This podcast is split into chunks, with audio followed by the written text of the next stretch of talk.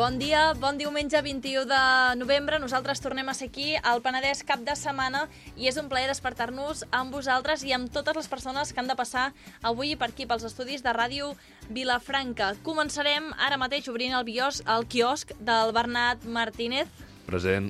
Analitzarem amb ell la fura, el cargol i el 3 de 8 amb la mirada irònica i divertida que sempre ens porta. Després acomiadarem el Bernat i tindrem una estona de lectura. El Roger Freixa ens va descobrir el cap de setmana passat un bon amic seu, que per cert també es deia Bernat, Bernat López, doncs avui el tornem a tenir aquí, però parlarem d'un escriptor, Stefan Zweig, no sé si ho dic bé, perdoneu-me, que com alguns dels actors, a més, que ja hem anat coneixent a través del Roger, van tenir una vida de llibre, mai millor dit, doncs el descobrirem. I a partir d'ara ja ho sabeu, el penúltim espai dels diumenges el dediquem a visitar cellers del Penedès. Avui coneixerem a tres amics, ells són la Laia, l'Oriol i el Jaume. Ells tenen les seves feines relacionades amb el món vitivinícola, però que no tenen res a veure entre elles. Llavors, els caps de setmana destinen el seu temps a fer el seu vi, es diu diumenge, vi i escumós, i bé, el vi que fan ells és el que diuen que els agradaria provar. Doncs els coneixerem d'aquí uns 40 minuts i ens acomiadarem, com cada diumenge, amb l'Aina Soler i la Judit Jansà i el seu Blanco Negre. Avui amb un convidat de luxe, el Nico Atenea Trueno, i amb ell ens descobriran el fenomen drac. Així anirà aquest diumenge, que ara ja mateix comencem.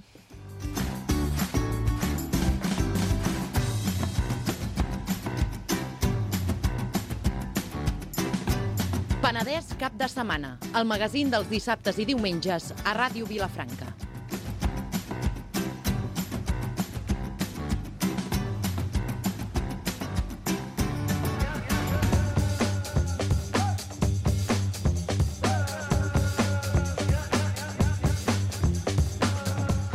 Bernat Martínez, bon dia. Bon dia i bona hora.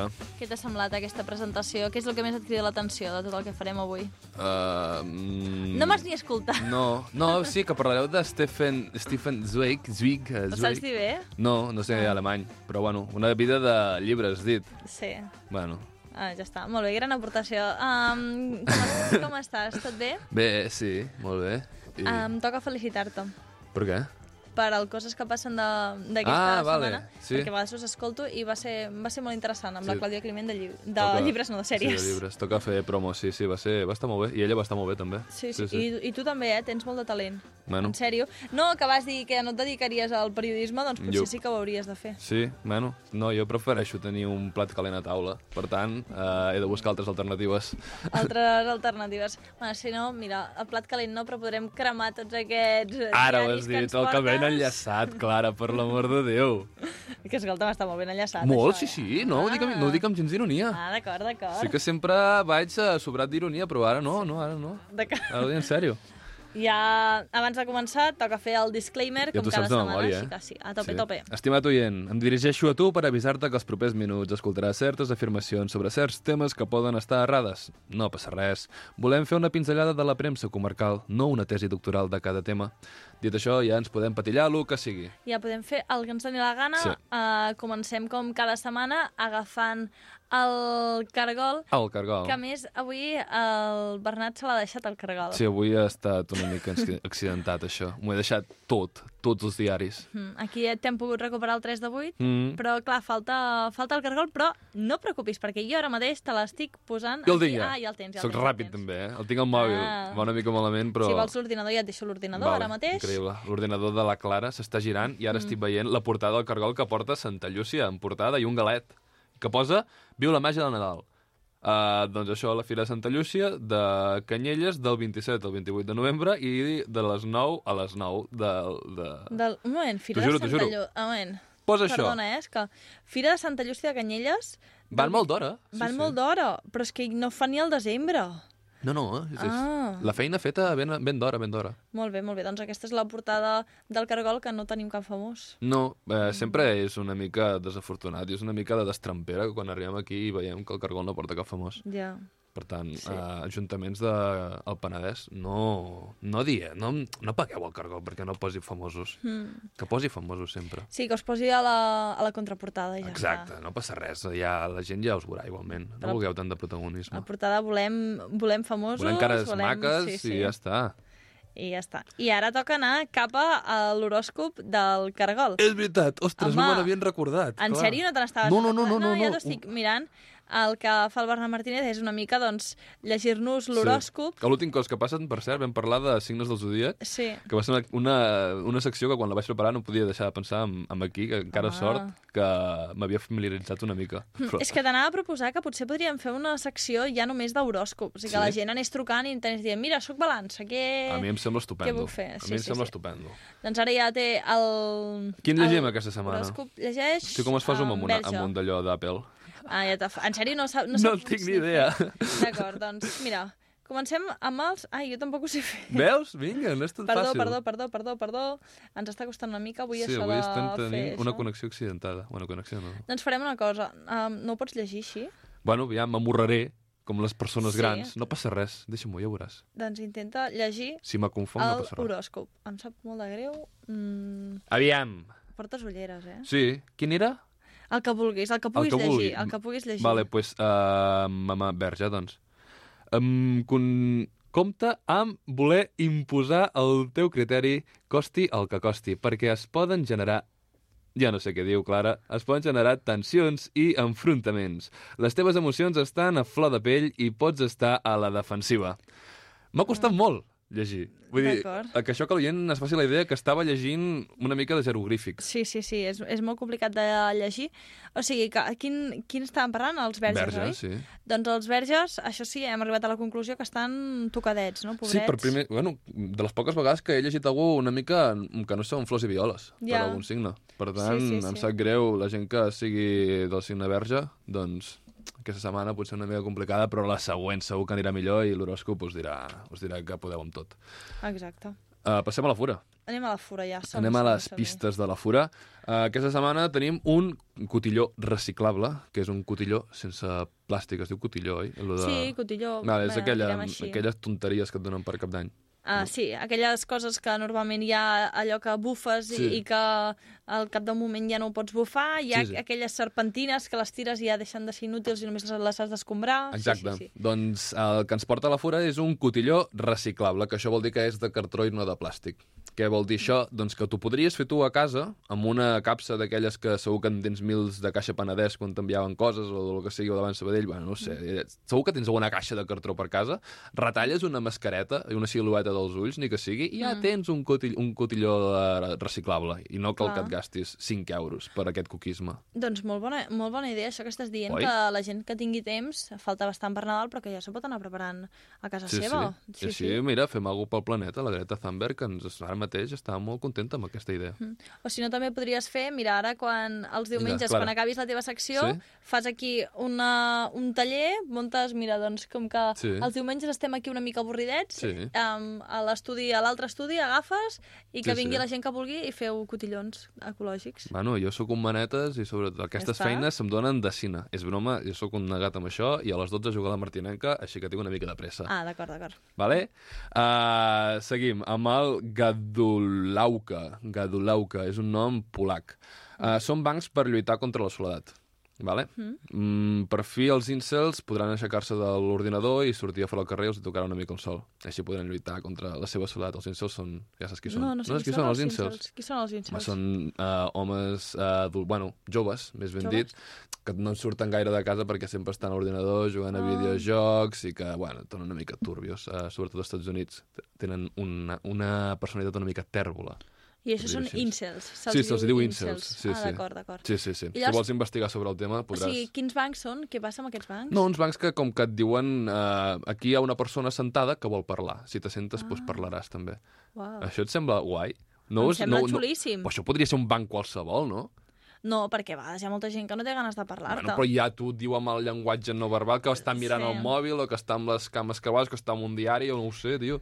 Però, no sé, hi ha gent que està allà sentada, que hi ha com un gos a punt de sortir per passejar, que ja diu, hòstia, aviam si se me senta al costat i parlo un ratet. Sí, sí, però hi ha molt poca gent, eh, que sigui així. tingui evidentment, jo no seria. Jo si me sento Tu un no? banc... Ai, jo sí, jo si algun, si algun dia algú em veu, a mi m'encanta, eh, xerrar. Vull dir que, no sé, aprofito. Jo no, sí, potser sí que m'hi enganxaria a parlar, però mm, si me sento un banc és perquè estic cansat. Si algú em diu alguna no li faré cap lleig, Però bueno, no però sé. tampoc cap maco. No, tam... bueno, potser sí, depèn de com vingui. No, no sé, no sé. No se sap mai, això, Bueno, Clara, fins que no una s'ha mica sentat ranci, un banc. una mica ranci, eh, Bernat? Jo? No, bueno, jo sóc del poble, ja està. I això què vol dir? Que, ets ranci o que no ets ranci? Bueno, una mica escarp. Tots ho som, una mica escarps. Bueno, a Catalunya tots ho som. No, al poble sí. som més. Tenim més caràcter. Però, ja, però és com per fase, saps? O sigui, el, la gent de poble és més esquerpa, potser, que la gent de ciutat, com a norma general, Sí. però la gent, per exemple, de, de Catalunya és més esquerpa que la gent de Madrid, per exemple. Home, això està claríssim. Jo no penso dir que la gent de Madrid... Eh, no, no, clar, no, no coses- t'equivoquis aquí molt- idealitzar-ho tot. La gent de que Catalunya és gent molt trempada, eh, és Sí. gent que, de veritat, eh, Sí. es mereixen un petó tots, i la veritat, eh, sou el millor, vale? oients catalans que ens escolteu ara mateix. Ara, ara m'estàs fent quedar molt malament, Sí, no, però els catalans tenim moltes coses bones. Sí, sí. Va, va, som-hi, som-hi, som-hi. No facis- Ah, va. Hòstia. Tira, et toca... Vale. Seguim amb les Passem- pistes, sisplau. Vale, passem amb una cosa catalana, o sigui, un catatron, que és un sintetitzador de veu català, en català, que per tant, ara, com per lo que ha dit la Clara, serà més esquerp que no pas la Siri, que és en castellà, no? Uh, no, no. Ara ja penso explotar això. Bueno, queda poquíssim perquè la Siri digui bon dia i bona hora, que et proposi el restaurant amb els menús més barats de la zona, perquè sent català haurà d'ordenar-t'ho per, per, Per preu, per home. preu. I, o, o bé per colar-te-la, o poder-li colar tu amb, el- amb la Siri, la broma més maca de tot el, de tot el diccionari català. Quina I tu és? dius, Siri, 7 més 7, què dona? I ella et dirà, 14. 14. I tu li diràs, agafa un cagar i esmorza. I ella, ja, ja, ja, ja, ja, ja. I començarà a riure. Que graciós i enginyós que ets. Saps? Um, tu parles amb la Siri? No, no tinc ni No. iPhone. No parlo amb Ah, cap assistent. No, tinc, no confio en la tecnologia. Ah, Només parlo amb persones. Sóc una mica avi amb no, aquestes coses. Està, està molt bé, tot i que a vegades la Siri és molt divertida i et dona, et dona bons consells. I Parlo amb la coses. Siri i amb els, meus, amb els meus amics amigues que tenen iPhone. Llavors sí que intento tenir una conversa amb ella però no arribo enlloc perquè no m'entén. Llavors, Ah. clar, li demano coses massa complicades. Per exemple, què li, què li No demanes? sé, no sé. No sé, li dic, hola Siri, ¿quieres hablar conmigo? Y sí, encantada. Y després, cuéntame un chiste, no me he hecho gracia, repítelo, no sé. I començo a preguntar-li coses sobre la geopolítica mundial i tampoc m'acaba de- No de... d'agafar el, el to. Però bueno, passem al tema de la setmana, és que estem anant molt lents, Ai, eh? sí, Per culpa meva, Déu. perdona, perdona. El tema de la setmana a la Fura és un reportatge sobre els pagesos. Uh, bueno, tampoc faré gaire broma amb aquest tema, perquè jo amb els pagesos pues, sempre hi tinc una mica d'empatia. No sé Mhm. per què. Uh, és el reportatge del pessimisme i de la catarsi. Tot, uh, com sempre, amb els pagesos tot va malament. Ja ho saps. Uh, és el, el tipus d'espècie que abans no han collit ja saben que, no, que ja està tot perdut, que no, aquell any no ho faran, i al final sempre se n'acaben sortint, no saben ni com.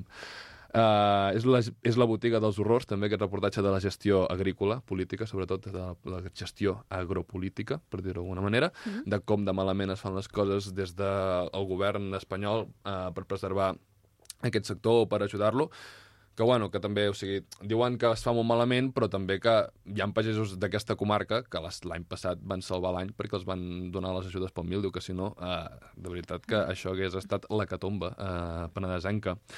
Mm. I bueno, sempre dic que s'ha de llegir aquests reportatges per veure com de, de putejats estan i, i que els hem de donar suport sempre perquè Sí. és un dels sectors o és una de les peces més importants que tenim en aquesta comarca. Si sou penedesencs, pues, heu de donar suport sempre als pagesos. Doncs una, un reportatge, un tema de la setmana molt adient i més ara que ja ha passat la, la barema i mm. que doncs, la qüestió també està a l'ordre del dia i que la llegirem sobretot això, doncs, per, per ser-ne conscients de Sí. com pateix doncs, la gent del nostre territori. Sí. Què més ens hem de fixar? Després tenim cinc dones que creen la plataforma No a l'Amat a l'Alt Penedès. Uh, no és que diguin no al nostre tècnic de so, el Joan Amat, eh? és un, un abraço, Joan, és broma, uh, sinó que és una plataforma que diu no a la línia de molta alta tensió que es preveu construir a l'Alt Penedès. Uh, aquesta notícia permet veure que les renovables no sempre són la solució a tots els mals del canvi climàtic. Aquesta línia de molta alta tensió, privada, per cert, uh, creuaria Alt i Baix Penedès per portar electricitat a Barcelona provinents d'uns parcs eòlics de la província de Saragossa i Terol. M'he informat, eh? Ojo al tanto, que això no estava a la veure. notícia. Ah, o sigui, tenim informació extra Vale, aquí. tampoc, o sigui, he buscat Periodisme una, d'investigació, una altra sisplau. notícia de la Fura que ho explicava, també. Uh, T'ho vendran omplint-se la boca que l'energia és verda i que no contamina, com sempre, tot ok, pels camacos, urbanites, sense, sent superautoconscients, Sí. que han de reciclar, anar a agafar el bicing cada dia, són ben cofois perquè l'elèctrica els prové de renovables, però tot el camí que ha seguit aquesta electra fins a arribar a Barcelona suposa un impacte pel medi i bueno, per la, pel, un impacte ambiental ambiental i sobretot pel territori de, de l'Alt i el Baix Penedès i sobretot les altres comarques per on Sí. t'ha passat aquesta, aquesta línia de cablejat. Però bueno, no passa res, a tu et rebentaran el bosc del costat de casa, però els barcelonins tindran llum per veure la Casa de Paper a Netflix. Exacte, i això és el més important. Sí, sobretot que sempre, sempre supera a favor de la demagògia, si està en contra de Barcelona, ja estem a tope aquí. A tope, a tope. I què més ens hem de fixar? Uh, L'últim és la campanya de promoció de la poma roqueta autòctona de Pontons. Ah. És una poma, o sigui, sent de Pontons, que ja guanya... Bueno, l'alcaldia és del PP, és una poma que si et despistes et diu habla en espanyol, hijo de puta.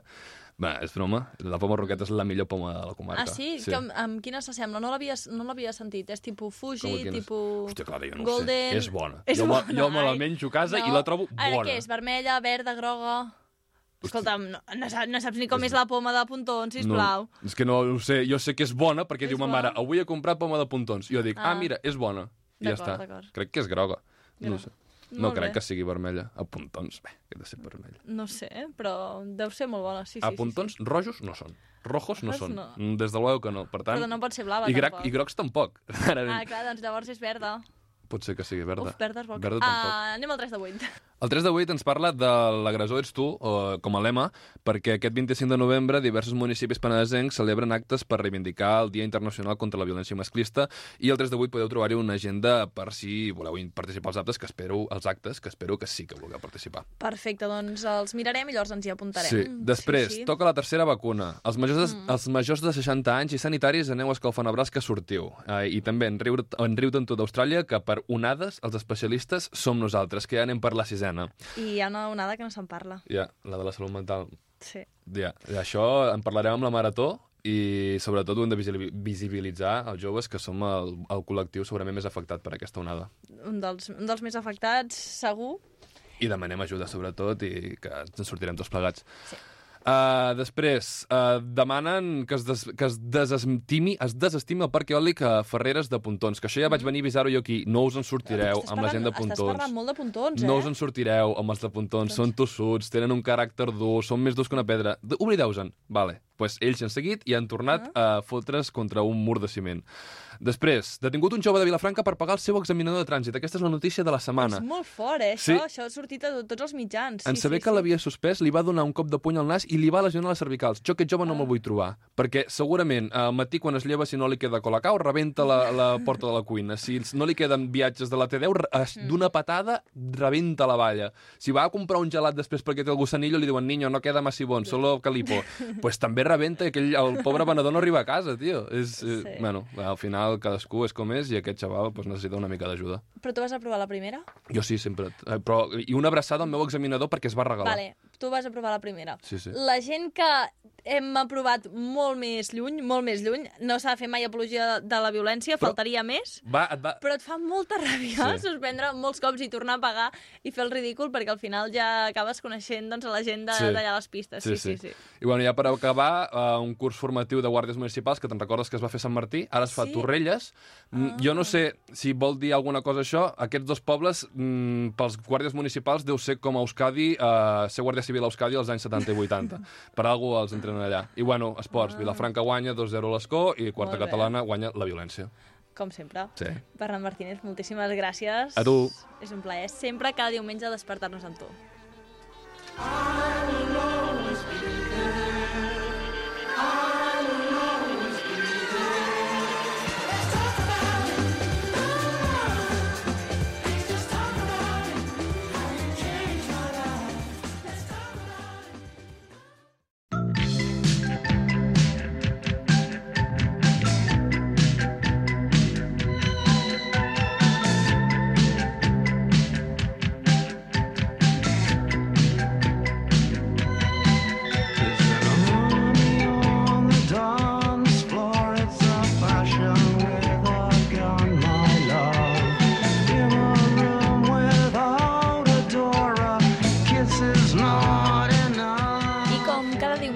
tornem a dedicar-li una estona a la literatura, lògicament amb el Roger Freixa. Roger, ben tornat. Bon dia, Clara. I avui, a més, eh, en teoria havíem d'estar sols, però la setmana passada vam tenir un convidat i aquesta setmana repeteix, no? Correcte. El Bernat, bones, Bernat. Hola, què tal? M'agrada tant que, mira, aquí estic eh, una altra vegada. El- Disposat a parlar de... Sí, a veure, a veure, Clara, moment. Primer a veure com de... es diu. Sí, això costarà una mica avui. Es diu Stephen, això ho he dit bé, no? O, o ni, ni això Stefan, potser. Stefan. Zweig. Més o menys. Va, sí, sí. aprovat. Bueno, no, jo crec que de, dels que som aquí ningú no parla molt alemany, No, no? no, No. gaire. No, No, no, no. pe- Però em penso, Roger, que és com Zweig, Sí, Zva- tu el pronuncies molt bé. J, Z, W baixa, E, I, G. Zweig, que per cert vol dir branca. No, no és un nom molt... Sona exòtic, perquè és en alemany, no? però vol dir es- Esteve Branca. Exacte, doncs mira, si no li diem Esteve Branca, Esteve ja Branca. està. Sí, Esteve Branca. Sí, sí, De fet, de fet ell, eh, aquest autor va firmar alguns de, algunes de les, de les seves obres en anglès, les firmava com a Stephen Branch, Ah, doncs mira, ja va que, que ja és això, eh, Esteve Branca. No? Un esmorzar a berenar, lunch i Brunch. breakfast. Bueno, sí, però... Exacte. Més o, més o menys, més o menys. Doncs avui això descobrirem aquest autor, Stephen Swa... Bueno, com es digui, que, Sí. que es diu. Eh, I què, què hem de conèixer d'ell? bueno, bàsicament ell, a part d'escriptor, era moltes altres coses. Era biògraf, assagista, activista, poeta fins i tot, traductor, que molts escriptors eh, han tingut, han passat per la traducció. Ell va néixer el 1881 a Viena, que llavors pertanyia a Àustria-Hongria, i pertanyia a una família benestant jueva. I això veurem que més tard li portarà problemes Greus, greus. Sí. correcte. Eh, ell va estudiar filosofia a la Universitat de Viena, va fer cursos sobre literatura i de seguida va començar a escriure poemes. Ell estava... Li agradava molt fer la construcció psicològica dels seus personatges a les seves novel·les. I ja ens marxem fins a la Primera Guerra Mundial, que llavors eh, entenc que devia tenir com uns... Anem a fer càlculs ara mateix. Entre 30 i 40. 30 Sí. i pocs. i va fer de corresponsal a Suïssa durant eh, la Gran Guerra, no? A ell li agradava molt viatjar i, i estar en contra dels, dels nacionalismes, dels feixismes, i per aquella època L'ascens de Hitler. eh, situar-se en contra era una mica perillós. Una mica totalment, no? perquè realment eh, va tenir un final tràgic, potser ara aquí fem una mica de spoiler, no? però eh, va tenir un final molt tràgic, es va suïcidar juntament amb la seva dona, eh, a l'exili, perquè ell va haver de fugir de, de l'Europa continental, va, va, va haver de fugir de Viena, va haver de fugir de... París. De, de, París, va haver de fugir de... De fet, ell estava, estava eh, refugiat a Anglaterra a l'inici de la Segona Guerra Mundial, però no se sentia segur eh, quan semblava que els nazis anaven a invadir eh, Gran Bretanya. Va marxar a Amèrica i a Amèrica, al 42, al Brasil en concret, es va suïcidar desesperat perquè eh, pensava que els nazis guanyarien la guerra i que el món estava perdut. I, i va tenir un final molt tràgic víctima de, la- de, de, de la persecució, del fanatisme, no? que tot allò que ell havia combatut i contra el que ell havia lluitat, lluitat durant tota la seva vida, al final, aquest, com aquest monstre el va acabar devorant. No? I com dius, ell es va suïcidar junt amb la seva dona, que els van trobar al llit perquè havien pres barbitúrics per tal de suïcidar-se. I una mica com, com el, el que dius tu, per la persecució del nazisme, perquè ell pensava que mai podria tornar al seu país perquè el nazisme s'extendria per tot el món. Eh, clar, eh, eh, és trist també perquè si penses que si potser tres anys després hagués canviat d'idea i haguéssim Sí. gaudit encara més de, dels seus llibres. I una cosa, amb aquesta vida va tenir temps d'escriure. Molt, molt, moltíssim. I suposo que molt marcada, no?, per aquestes experiències que heu explicat.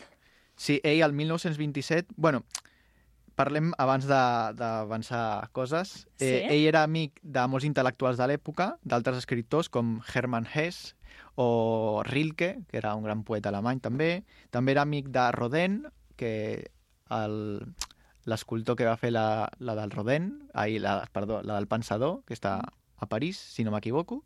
També va conèixer Albert Einstein, era fan de Richard Strauss, Sí, admirava era molt, era molt Sigmund popular Freud. en aquella Sí. època i es, es, o sigui, estava envoltat de Sí. les personalitats doncs, més influents de l'època. I li Sí. agradava molt llegir llibres antics. Era molt fan de Dostoyevsky, fins i tot eh, té un llibre que es titula Tres mestres, que parla sobre Dostoyevsky, Balzac i Dickens. I també parla de Dostoyevsky en forma de poema al seu llibre Momentos estelares de la humanitat. Que és un, és un dels llibres que jo he llegit d'ell i m'ha encantat perquè és com un recopilatori de 14 miniatu- miniatures històriques on parla de diferents moments del llarg de la història que ell considera que són importantíssims. Parla de Cicerón, de Tolstoi, parla... Sí, parla sobretot de personatges. Sí. De persones que han... I fins i tot de moments, no? Per Mm. exemple, parla de com va sorgir l'himne de França, la Marsellesa, qui el va composar, per exemple. És un dels llibres més populars, eh, més venuts. Eh, té, hi ha una edició espanyola, en castellà, i eh, ha estat probablement... Jo diria que el llibre de... Això, bueno, això ens hauria de, de confirmar Ediciones de la Tempestad, no? que són els editors, però jo diria que és el llibre més venut de Zweig a Espanya, en castellà, juntament po- potser amb les seves memòries, que també, eh, si no les heu llegit, us les, us les recomano. Les, eh, El mundo d'ayer, també un altre llibre molt popular de Zweig, o diríem que ha tingut molt de ressò, Mm. que eh, són, estan escrites, de fet, diuen que les va acabar el dia abans de suïcidar-se. O sigui, realment és com el seu testament vital, literari, i és un llibre meravellós, eh, fascinant. Bueno, el Mundo d'ayer, que és una mica... explica la seva vida, la seva biografia, al final, eh, també està una mica relacionat amb, amb un llibre que va sortir fa poc al mercat, que són els seus diaris, i que va, hi va haver problemes perquè ho havia publicat edicions 98, Mm? però eh, van ser denunciats per Acantilado perquè ells eren els propietaris de, de Dels, l'obra de, de, de, de, dels, drets. drets de l'obra de Zweig. Exacte. I no com, sé com haurà i com va quedat el acabar tema. la història? La coneixeu, de moment? No, uh, no jo aquest episodi no el coneixia, de, dels, del tema dels diaris. Això va ser l'estiu passat, diria. Ho vaig llegir l'estiu passat, que ho havia publicat a Edicions 98 i Acantilado, que ara ja els ha publicat Acantilado, també els diaris, havia Mm. denunciat, o bueno, no sé si va arribar a denunciar a Edicions 98 per la publicació il·legal de- d'aquests diaris. A veure, si, si Acantilado te- tenia contractats en exclusiva els drets de Zweig, doncs certament tenia dret a, a reclamar aquesta ex- exclusivitat. No? No, no, conec, no conec el cas, no? però de vegades es produeixen aquests fenòmens de, o aquests casos de diríem, edicions no autoritzades o, o no suficientment sustentades legalment i poden passar aquestes coses. Recapitulem un moment, estem parlant de l'escriptor Steve... Estem fent broma avui perquè no ho sabem dir gaire, Stephen Zweig, i doncs estàvem repassant la seva història, alguns dels seus, dels seus llibres, de les seves publicacions més interessants. Hem parlat del Mundo de ayer, que és una biografia seva, i això sí, eh, hem explicat que ell va morir perquè no podia doncs, suportar la idea de que el nazisme s'implantés arreu. Llavors, ell va, ell va conèixer el seu propi èxit? O és d'aquells que després de morir-se com Van Gogh són uns genis? Fins i tot diuen, eh, o he llegit, que era una mica egòlatra, de que ell Ell va tenir un èxit molt. enorme, en Va vida. tenir- en en vida. vida, Sí, sí, sí. Cosa que no, és, no sempre passa. Ja sabeu que hi ha Mm. molts casos d'artistes o autors, eh, músics, eh, autores, que en vida mm, no es mengen res, per dir-ho col·loquialment, i que una vegada morts doncs, eh, esclata el fenomen. No, no, ell va ser un cas no molt abundant d'un autor que va ser enormement eh, popular. De fet, va ser més popular en vida, segurament, que una vegada mort, tot i que mm, últimament s'ha s'ha recuperat la seva obra, tant Home, en anglès com... parlant fins i tot a Ràdio Sí. Vilafranca. Algo. Exacte, Ràdio Vilafranca ha arribat al renom Sí. de, de Stephen Zweig, no? Però segurament Roger eh, va, va ser molt més popular en vida. Era un, un autor que venia desenes de milers d'exemplars de cada una de les seves obres. tot i que quan va arribar la Segona Guerra Mundial a Alemanya i a Itàlia li van prohibir moltes de les seves obres i no va poder guanyar diners d'aquells països. Eh, el 1941, abans que parlaves de quan es va suïcidar a Brasil, ell vivia el 41 ja estava a Brasil i va publicar novel·la d'escacs, que és un dels seus llibres també més reconeguts. És molt curtet, el recomano. Si la gent està interessada en Zweig i vol llegir, no té gaires ganes de llegir, aquest llibre va molt bé perquè són, no sé si arriba a les 100 pàgines. No, no l'he llegit, aquest, veus? Eh, però apunto, apunto la recomanació perquè, perquè sí que tinc entès que es considera la seva obra mestra en- de ficció. És, sí, de és de va? ficció. És un llibre on tracta molt la psicologia dels personatges i com, com, el, com els va afectar el nazisme. Mm. És, tota la història passa en un creuer i eh, hi ha, on hi ha uh, el campió mundial d'escacs i a una altra persona que havia estat tancada durant molt de temps en una habitació pels nazis per tal d'extreure la informació, si no recordo malament.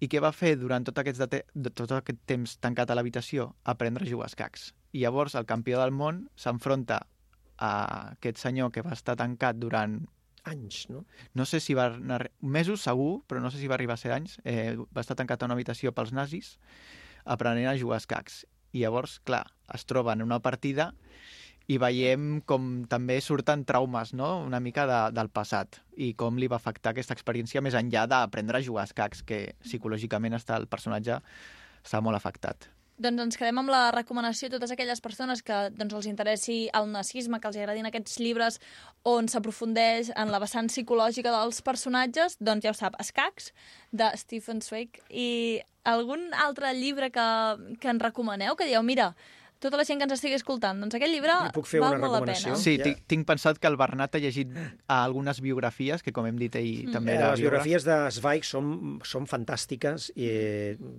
la, bueno, jo n'he llegit una, algunes. I la més recent és una biografia de Joseph Fouché, Qui era? que és un personatge fascinant, mm, increïble. Va ser, Josep Fouché va ser eh, ministre de la francès. policia des de la Revolució Francesa fins a- al retorn de Lluís XVIII al tro dels Borbons a França. No? És a dir, va sobreviure tots els governs, tots els daltabaixos, tots els guillotinaments. És com el prototipus del xaquetero, no? el, el, el, el, mestre del xaqueterisme, perquè va saber navegar eh, va saber navegar i sempre va estar al capdamunt com, com l'oli, no? que, sempre està al, al, que sempre flota, eh, gràcies a la seva astúcia eh, i a gràcies a la informació que ell manejava, perquè com a ministre de la policia ell sabia tots els eh, draps bruts dels propis líders. Llavors, els, els Era com líders... Villarejo. Sí, sí, Exacte, el Villarejo exacte. francès, no? un Villarejo potser més refinat no? i sí. més astut perquè no, no. no el van empresonar, de fet va morir de, de mort natural. No. Mm, I és un cas meravellós, molt ben explicat en aquest llibre que es diu Fouché, Fou- Fouché, Fouché eh, de, de Zweig, eh, editat per Acantilado, que és una, una obra mestra, com tantes i tantes té aquest autor que el Roger i jo admirem eh, i ens agrada tant. I abans d'acabar, m'agradaria explicar una anècdota Sí? de Stefan Zweig. Ell també escrivia teatre Mm? i tenia una maldició respecte a aquest gènere. Que no omplia. Ell, no, no és que no omplís, és que molts actors o directors, abans de la representació de l'obra, morien. En sèrio? Sí. I qualsevol ha fer una representació de Zweig. tres o quatre va- casos hi va haver d'actors que van morir abans de representar l'obra. Però que era un personatge que un personatge octogenari o el que fos, No, que no, s'hagués no. de representar. No, no, era, No. es veu que era gent, doncs, actors i act actors, eh, crec que eren tots homes, que eh, crec que en, fins en quatre ocasions, en quatre obres diferents, es van morir poc abans de l'estrena de l'obra. Wow. Llavors es parlava d'aquesta maldició de, del teatre de Zweig, no? que els actors es morien. I encara, fa, encara hi ha representacions de Zweig a algun No racó consta. del planeta? Home, No, és que per- per si qualsevol, qualsevol el faria, Sí, sincerament. dona, perill. dona una mica de llullo. Sí, sí. Jo no sé si m'hi posaria. Eh? Això sí, llegir-lo no ha de comportar la mort, no? No, Al Ens morirem igual, però no per llegir Sí, però no. uh, Stefan Zweig. Sí, sinó per desper ens despertarà una mica el cervell, ens el farà néixer, tornar a néixer. Doncs bé, Roger Freixa, Bernat López, moltíssimes gràcies per descobrir-nos aquest personatge, Stephen Seik. gràcies, Gràcies. a tu. Encantat.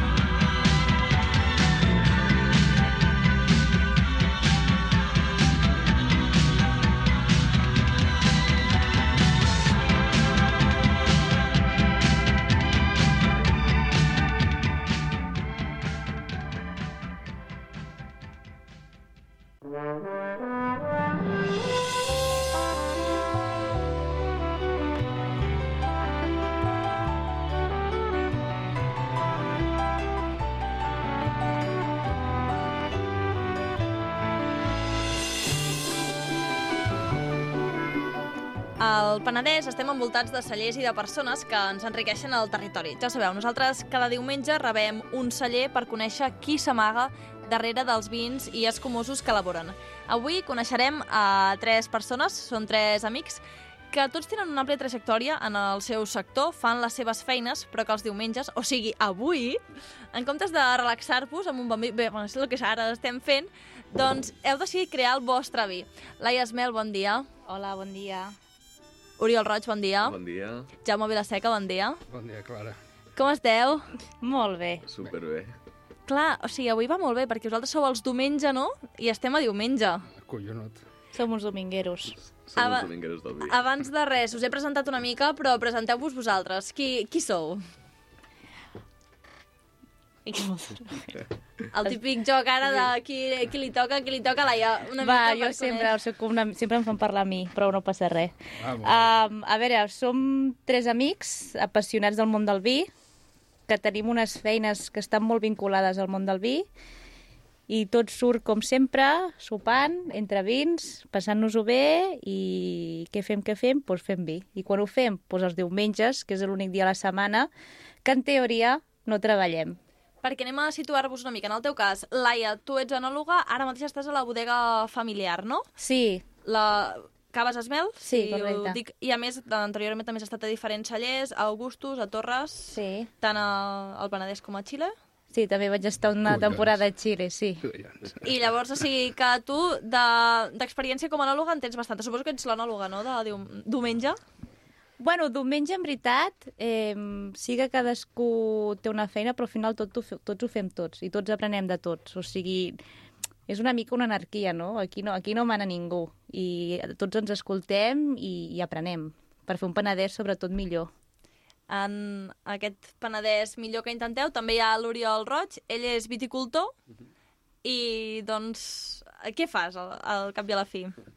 Bé, um, jo em dedico al 100% a la vinya, soc, soc viticultor des de, des de sempre, bàs- bàsicament, uh, però sempre m'ha agradat molt el tema de, de què hi havia més, de, després de quan deixem el raïm al celler, què passa després, um, què es fa d'aquell raïm, no?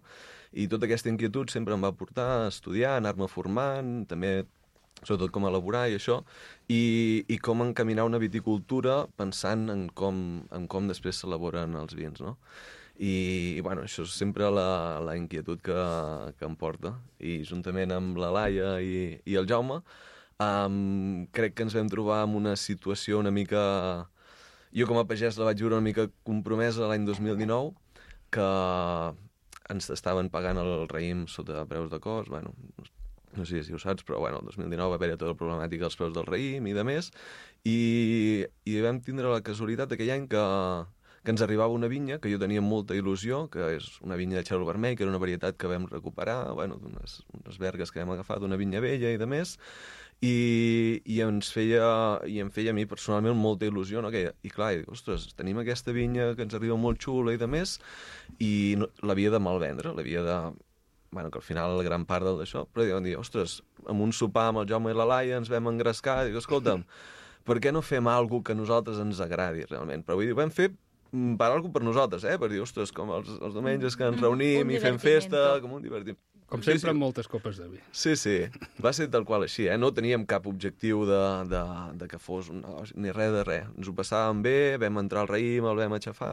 El que sí que sempre ja teníem des de bon principi és que volíem fer alguna que respectés molt la vinya, no? La vinya que fos una mica l'autora del, del vi, no... I nosaltres al final fóssim uns instruments que l'acompanyen, però però que la vinya fos la que, la que parlés. I, bueno, i com que tots parlem una mica el mateix llenguatge del vi ens entenem molt bé i això, pues va ser molt fàcil, la veritat. Sí, sí. I en el, en el teu cas, Jaume, ara que sentíem aquí renegar, que t'he dit que pots dir de tot, però tampoc cal aquí un collons com una, com una catedral. És que estem un horari... Eh? Sí, estem, estem, al- estem al matí, estem al matí. Vas ficant pips aquí. Sí, ja està, ja, ja ens ho van posant. Doncs, Jaume, tu, a veure, jo el que tinc entès és que tu ets més del món creatiu, no?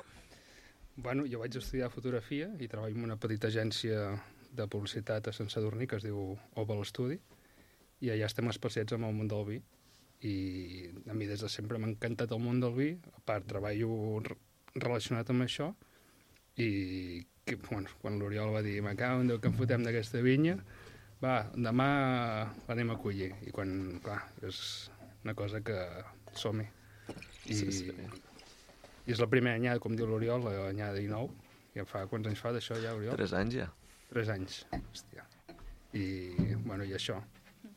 Però una cosa, no en teniu prou amb la vostra feina del dia a dia com per empescar-vos a fer un projecte els diumenges? Però no és, jo no, no és una feina, No. és un hobby per, per nosaltres. Nosaltres no ens hi... Ara mateix no ens hi dediquem a, a això. És, és, ostres, l'estona que passem, jo almenys en el meu cas, eh? l'estona que passem al celler, quan entrem al raïm, aboquem les caixes, i, ostres, és, és una il·lusió. Jo personalment com a pagès, més gran, que hem vist tota l'evolució durant l'any i de més, ostres, però entrar al celler, al raïm, poder provar el mos, però, ostres, és una il·lusió. No, per nosaltres, almenys pel meu cas, no és una... A mi em fa una il·lusió terrible. A veure, és... No sé com dir-ho, com, com ha comentat l'Oriol, no és una feina per nosaltres, això. Ojalà ens poguéssim dedicar al 100% a això en un futur, però um, ho disfrutem i sobretot també és com un objectiu que volem potenciar un Penedès, potenciar unes varietats um, autòctones, un territori, i que aquesta feina, entre cometes, a la llarga, pues, nodreixi molta gent i puguem arribar molt lluny. Perquè, clar, vosaltres, per lo que dieu, en un principi, doncs, la vostra idea era més aviat un divertimento, un, doncs, passar-ho bé, però potser s'us està anant una mica, una mica de mare, no? Sí, Perquè... aquest any se'ns ha anat a la olla, sincerament. Per què? Què ha passat aquí? Uh, nosaltres vam començar, com ha dit l'Or- l'Oriol, amb un bocoi, amb 500 quilets, pues vam fer vi, i la nostra intenció... Ai, perdona, eh, que sí. jo a vegades em lio amb tantes paraules. Bocoi, què és un bocoi? Eh, diguéssim que és un recipient de plàstic gran, vale? com una galleda enorme, Sí?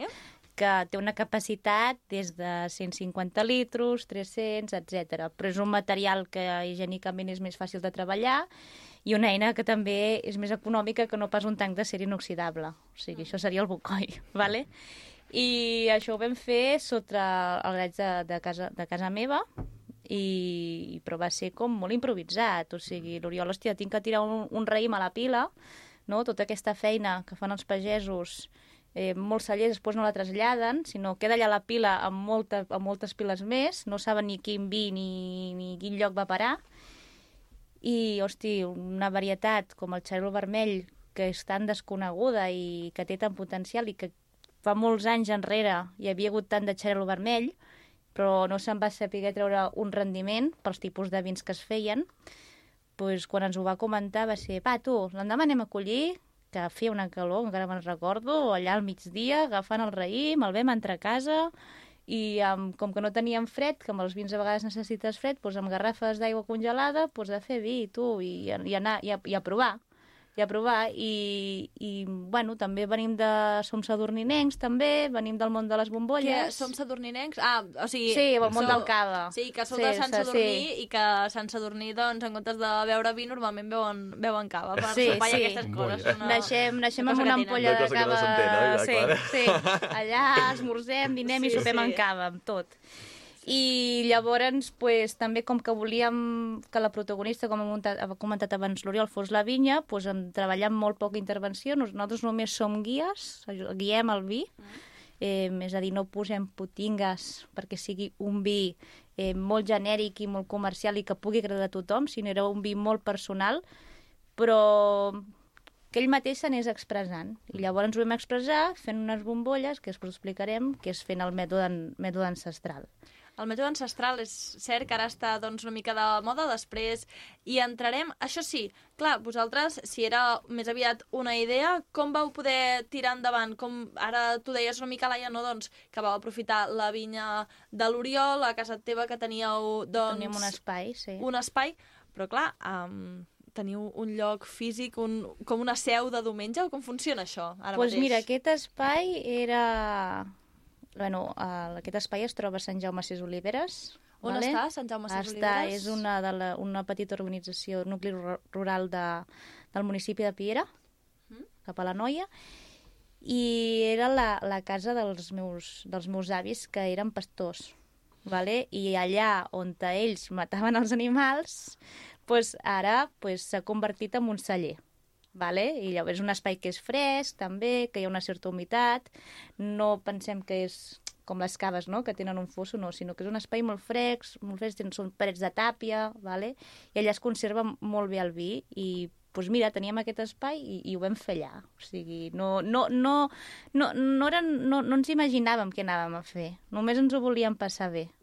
I, el, i ens ho passem bé, doncs, com diem, els, els diumenges, no? que allà la gent d'allà gran diuen els, du, els diumenges, i aquí és una mica el, el, el, el, el joc de no? paraules, sí. El joc, de, el joc de paraules. Doncs bé, si us sembla, també el que hem fet és que diferents persones ens enviessin doncs, preguntes que us recordem. Podeu enviar un, un missatge, un correu electrònic a cap de setmana arroba rtbvilafranca.cat i allà doncs enviar les vostres, els vostres problemes les vostres preguntes, el que sigui. En aquest cas, el Josep ens ha fet una pregunta. Quin és el secret de l'envelliment dels vins negres perquè tingui tant a veure eh, la bota? Um, quin és el secret dels vins negres? Jo em pensava que contestaria la Laia, però sembla que esteu aquí assenyalant el Jaume.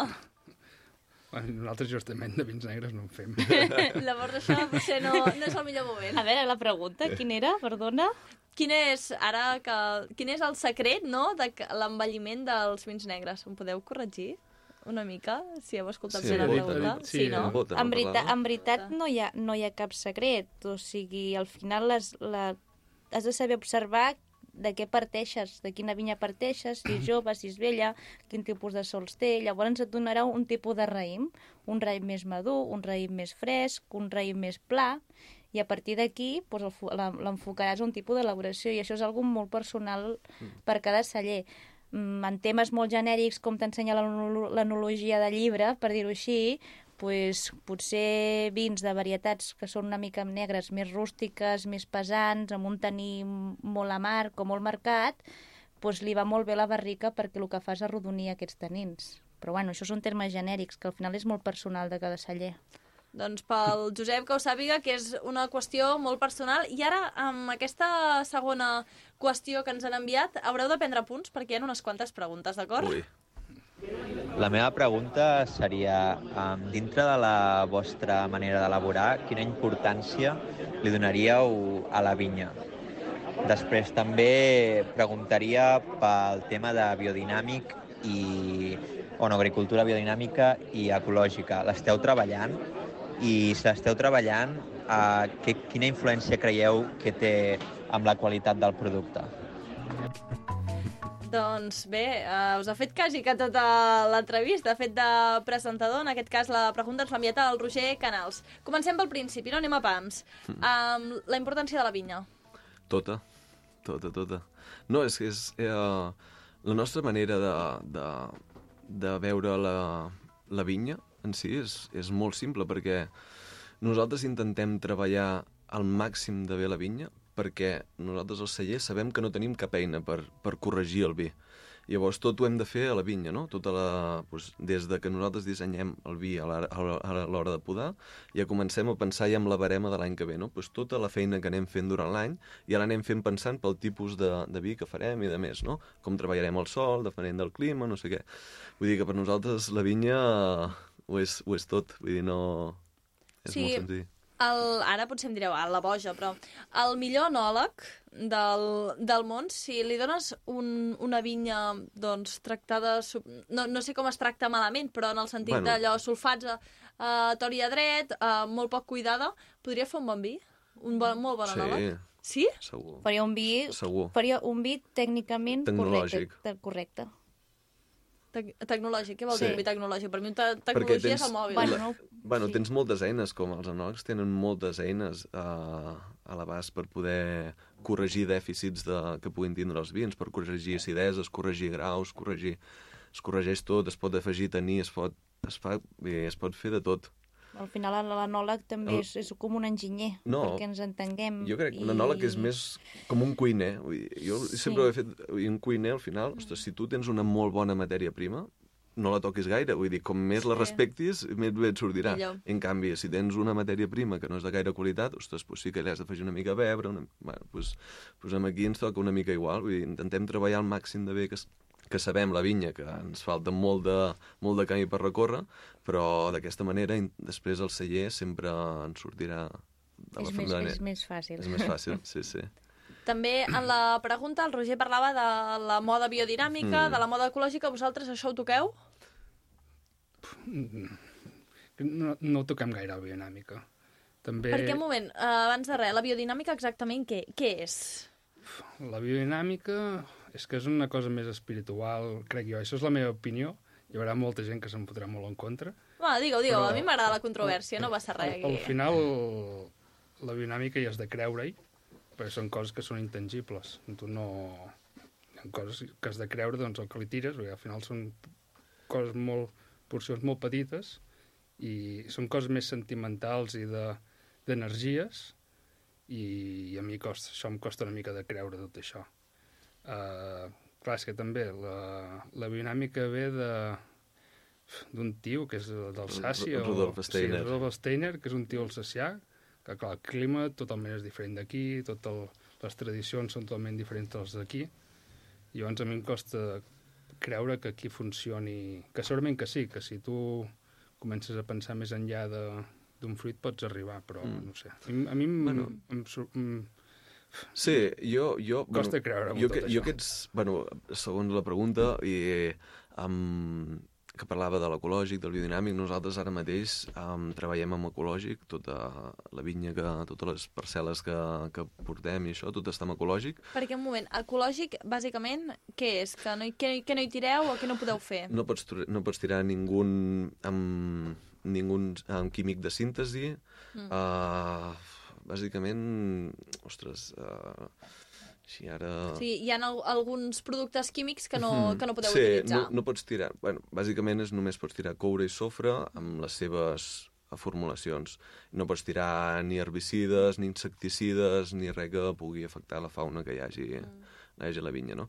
Però amb el tema de... Nosaltres amb ecològic ara hi treballem, estem còmodes, i, i sí que és veritat que poder, amb, quan portes uns anys uh, treballant amb ecològic, sents, tens la necessitat de que poder et falta un pas més, no?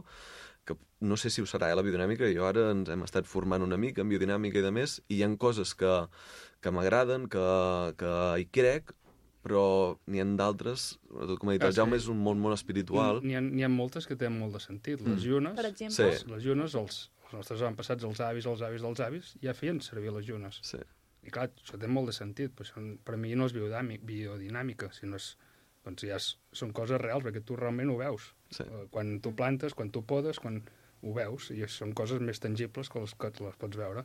Que la biodinàmica com a tal, Mm. a mi m'agrada més parlar de la, de la, de la, de la manera de, de tractar la vinya amb tradicions, que Sí. és la nostra tradició, els nostres avantpassats com ho fèiem, Mhm. no de parlo de fa vuit- 80 anys ni 90, sinó 200. De Sí, no, sí. de no, Fins a- de no posar-hi una etiqueta, no? Sí. Correcte. Més que l'etiqueta de, Ah. de màrqueting de la biodinàmica, que, no sé, crec que ja està passat de moda, fins i tot. Jo, amb- jo amb això estic molt d'acord amb, amb el Jaume, perquè crec que el, si tornem una mica... Jo crec que al final és tornar una mica a, a com treballant els nostres avantpassats, no? Els nostres avantpassats, al final, quan parles de la biodinàmica, que parla de l'organisme granja, antigament els nostres avantpassats ja treballaven així, perquè tots tenien animals, tots tenien una mica de- d'hort, tots tenien una mica... Bueno, i ells mateixos, fe, eh, el, els fems que, que tenien dels cavalls o de les vaques o també els feien servir per l'hort, tenien una Sí, mica sí. sembrat... Bueno, és una mica... Ja parla del que és l'organisme granja, no? I, i jo, jo, jo personalment sí que hi crec molt més en, en aquesta manera de tornar, ostres, poder ens hem separat molt dels animals i poder tornar a sentir els animals i de més, poder, això sí que, que és algo que, que estaria molt bé en un Les, futur. tra les tradicions, bàsicament. Mm. I estem parlant molt del vi, del projecte, però jo el que tinc ganes és d'això.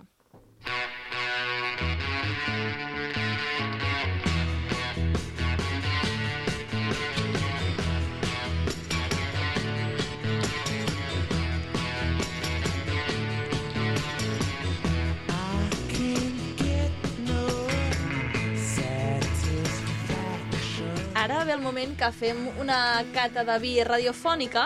Normalment, la, sincerament, no l'acabem d'obrir, però és que avui ja hem començat fa una estona a obrir-lo. I mira que no són hores, eh? No són hores, mare meva.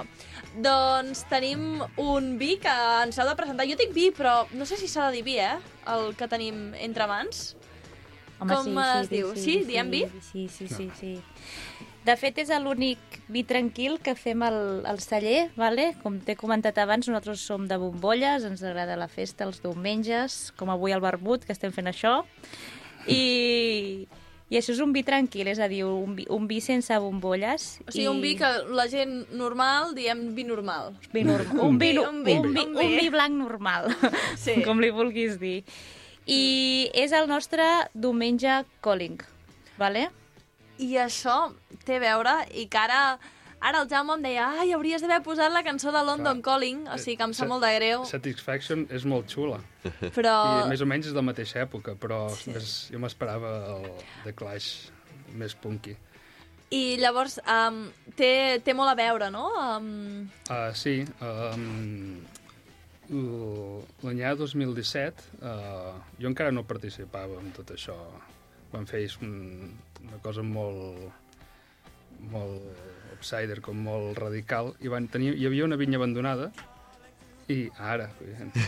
Ah, t'han posat la cançó, jo, ara jo sí. ni ho estava escoltant, jo estava així, escoltant de tot i ja està. Ara, ara, ara sí que Sí, sí, ficat la, la cançó de The Clash. Doncs a l'any 2017, l'Oriol i la Laia, hi havia una, una vinya al costat de, del poble que estava abandonada i la Laia estudiava eh, i van anar allà i van, van, van collir aquells raïms sense demanar permís a ningú ni res, i van agafar i van Mm. fer un, un vi. I llavors, l'any següent, van anar amb el pagès on diu, hòstia, aquest vi ens ha agradat molt, o ens agradaria tornar a fer. I ens ha dit, "Doncs, la vinya aquesta està arrencada. I, clar, aquella vinya ja estava arrencada i aquell vi ja no es podia tornar a repetir mai més. I llavors, doncs, el, el, el, el disc de The Clash, eh, bueno, del London Calling, diu que la gent sortia al carrer a parlar, que s'expressi, i nosaltres teníem aquell vi que s'expressava, seguia parlant, aquella vinya seguia parlant dins l'ampolla, i llavors per això hi ha el London Calling. Uau, El disc de- quina història darrere. Molt bé aquest màrqueting, El- eh? el- el Jaume- el Jaume- el. Jaume- Marketing. El disc de The Clash tan- trenca una guitarra, i nosaltres aquí a la foto l'Oriol com arrencant la vinya. Ah, és, és l'Oriol, el, Sí, de la, sí, el de la sí, imatge. sí, és sí. una imatge en Sí, blanc sí. i negre amb unes lletres verdes i tam que posa calling, no? Si Sí, està no veig inspirada, malament. està inspirada Amb amb la portada del disc eh, del, del, del grup de Del música de Clash, que la, la portada del disc es diu London Calling, i la portada del disc surt el guitarrista trencant la guitarra, no? aquest punt rebel, aquest punt punky, doncs amb el nostre vi, és el diumenge Calling, que surt l'Oriol arrencant la vinya i parlant d'aquest Penedès i moltes regions vitivinícoles amb molta tradició, que s'estan arrencant vinyes, que s'estan abandonant, sobretot perquè no hi ha un seguiment generacional o perquè la gent no es vol dedicar al sector, etc., per molts motius. Esteu, estàs dient ara, Laia, que la gent es vol dedicar al sector. No hi ha una bona fornada de gent jove que està, que està pujant al Penedès? Em dóna aquesta sensació que potser vosaltres no, no ho pensareu així, eh? No la suficient, jo No la crec. suficient. Sí, jo crec que no... Són molt pocs, Sí. els joves. No. Que, que volen elaborar vi, segurament que hi ha més gent. Que Però que vulguin ser vinya. pagesos, que diu, hòstia, jo em vull Mm. dedicar a la pagesia, vull anar a collir raïms, vull anar a podar, vull dedicar-me a això, ja costa per, per un mes per anar, per anar a collir, ja costa trobar gent, imagina't dedicar-s'hi tot l'any. És, I és un dels problemes que hi ha al Penedès, que s'estan arrencant vinyes, que hi ha la tira de subvencions perquè tu arrenquis les vinyes velles, bueno, hi ha molts problemes i amb aquest vi és una mica quan nosaltres ens queixem de tot això, És és un, un- vi un mica... Un vi protesta, podríem Correcte, dir. Com sí. hi havia la cançó Sí. protesta, doncs el, Doncs més sí. el vi protesta. M'estic fixant en aquesta ampolla i hi ha una cosa que em crida l'atenció, que és que potser no ho sé veure, eh, però no hi ha cap DO. No, nosaltres no estem eh, marcats a cap denominació d'origen, simplement perquè no ens hi sentim còmodes a les, a les que nosaltres ens hi, ens hi podem adherir. No, ni DO Penedès, ni no, DO Cava, ni, ni no? DO Catalunya. I els... Ara no em sortirà el nom, aquest Corpinat? Bueno, això seria com un grup col·lectiu, eh? Sí. No és una DO. En aquest cas us sentiríeu identificats o tampoc? Potser és el que més ens crida l'atenció amb les bombolles seguint el mètode tradicional, eh? Però bueno, el, el diumenge és un altre estil de vins que no, que no hi encaixa amb Corpinat. És una altra... És, és, és una altra carpeta. Clar. És una altra carpeta. El, el projecte és lliure i tampoc ens volem encasillar amb unes normes i, unes, i Sí. uns paràmetres. O sigui, fem el que ens surt dels nassos. Potser aquest any hem fet això, l'any que ve farem un altre. De fet, aquest vi cada any és d'una vinya diferent, que l'Oriol ara més o menys ja comença a fer recerca d'alguna vinya que està abandonada ens anem a podar i tot fem tot el procés i l'intentem recuperar. Però és, el, és totalment aleatori, no hi ha... Ara fem un xaró vermell, però potser l'any que ve fem un... Sí, fem el que ens ve de gust, per això som Bueno, Xaro, Ver Xaro Vermell seguirà sempre... Sí, Xaró vermell, Serà sí, sempre és nostre. el, és el primer i... No, però, i, i, però sí i, que, que seguirem buscant vinyes i... Bueno, és una de les coses xules que, que a més a mi com a pagès m'ha passat de, de diumenge, de que, de que li donem una mica de sentit no? a, la, a la feina de... Perquè al final jo com a pagès ho visc en primera carn de que, ostres, de que a vegades estic en una vinya, la vinya del veí, una vinya molt maca, molt vella i de més, i, i que s'ha d'acabar arrencant perquè, no és, perquè és poc productiva, perquè el celler no li paga prou amb el pagès i de més, no? I això és un problema que té molt gran. I, ostres, aquesta vinya em crec que parla molt de la història vitivinícola del Penedès i de més, i crec que és un tresor que hauríem d'intentar preservar, no?, una mica entre tots. I, i la llàstima és que ara s'estan perdent molt totes aquestes vinyes. Doncs algun d'aquests tresors està en aquestes ampolles que també hi ha un altre problema aquí, que és que on, on el podem trobar, aquest, aquest vi? Ostres. Això ens ho poseu Difícil. difícil, bueno, no? també el, el, el recuperar Clar. vinyes abandonades, quan tu recuperes una, una vinya que ha estat abandonada, les seves produccions també són molt limitades. Llavors Sí, que aquí... fe- surt menys vi, no? D'aquest és el Xarelo 2020 que estem Mm. provant ara. D'aquesta només vam fer unes 250 ampolles, perquè és l'únic que ens va donar la vinya, Mm. vale? i ja no, ja, no, ja no en tenim. I no Però som... aquí a Vilafranca ho trobareu a dos llocs. A... Sí, encara n'hi ha, no? Perquè pot ser que... Sí, pot ser que... Pot ser que no, però bueno, ho Si podreu la gent, si la gent proveu. s'espavila, Sí, pot ser que sí. encara... Sí. Eh, està al bar a vins de l'Àngelus i després a Can Canaló. I el, el preu? Quin, quin preu té? Ostres, deu estar sobre els... Els 25, 25 euros. 20 euros. Ostres, ostres, m'estic bevent un vi de 25 euros ara.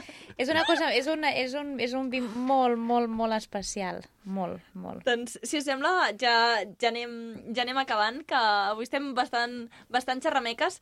Què ens hem de, de fixar en aquest vi? Si algú té l'oportunitat, que no ho crec, però, que el pugui tenir entre les mans, què, què, què ens haurem de fixar? Veig que és un, un xarelo, no? Un xarelo 20 del 2020. Eh, És un 2020, és un, és un xarelo brisat. Nosaltres treballem amb les pells, no premsem, vale? Uh, no, a veure, què vol dir Ui, això? ui, ui, ui, eh, no em lieu. Brisat, diguéssim, que elaborem un, un vi blanc com es faria un negre, és a dir, amb les seves pells. Pells, vale? També es poden elaborar vins negres prensant, però en termes genèrics se- seria això. Llavors, aquest és un brisat, o sigui, tot el seu procés de fermentació l'ha passat amb les pells. Després també ha passat per, àmf per àmfores de, de fang i ha seguit la seva criança també amb les amb àmfores. I no hi ha res de res afegit, perquè com ha comentat l'Oriol, aquí parlem d'una vinya que malauradament ja no, ja no hi és. I així per als que també diuen això que t'has de fixar amb el color, amb el- amb l'olor, amb el gust... Jo això ho trobo que ens maregem molt, o sigui, al final obre, t'agrada, endavant i disfruta'l i que et porti on, on tu vulguis. Si et dona la sensació que és fresc, que és fresc. Si, dona, si et porta el record d'una olor de la infantesa o una primera cita i que puguis estar disfrutant, jo crec que el vi t'ha de, portar cap aquí. O sigui, que al final també ens compliquem una mica la vida, no? Amb la somelleria i tot això. O sigui, el vi al final l'has de disfrutar. O sigui, ens quedem amb aquesta frase, si us sembla, és la millor manera d'acabar i el millor bé és el que t'agrada a tu. I tant, que tu i tant que gaudeixes. sí. I sobretot molt ben acompanyat, com hem estat nosaltres avui. Moltíssimes gràcies, A Oriol. Jaume Laia, per venir al Penedès cap de setmana. Gràcies. Bon diumenge. Salut.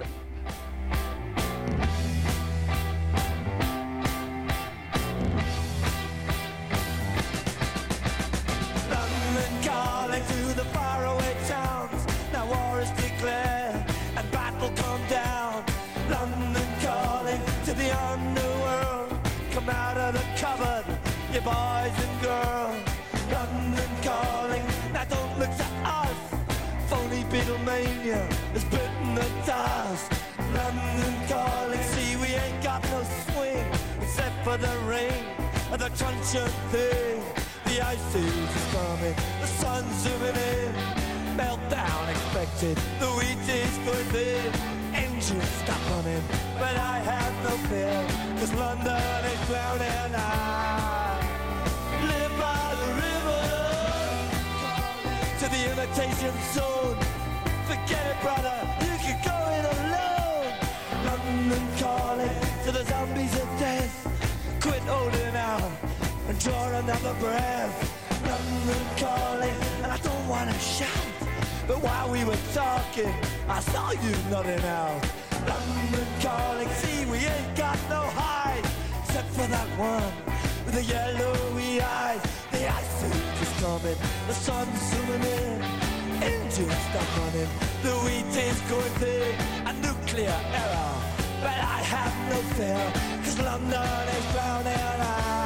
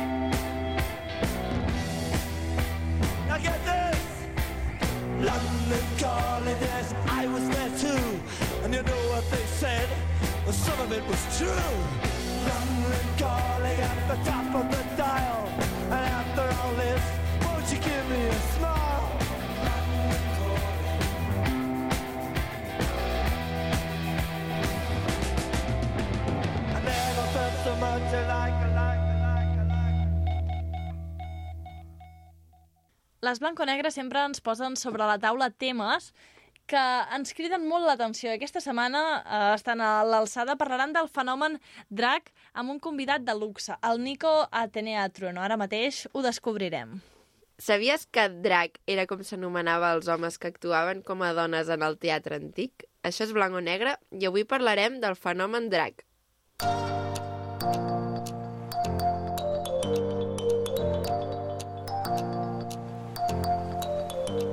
Doncs sí, l'origen de la paraula drag, Aina, es veu que es remunta a l'època isabelina. déu nhi Queda lluny, això, eh? Queda Ja lluny. fa uns dies.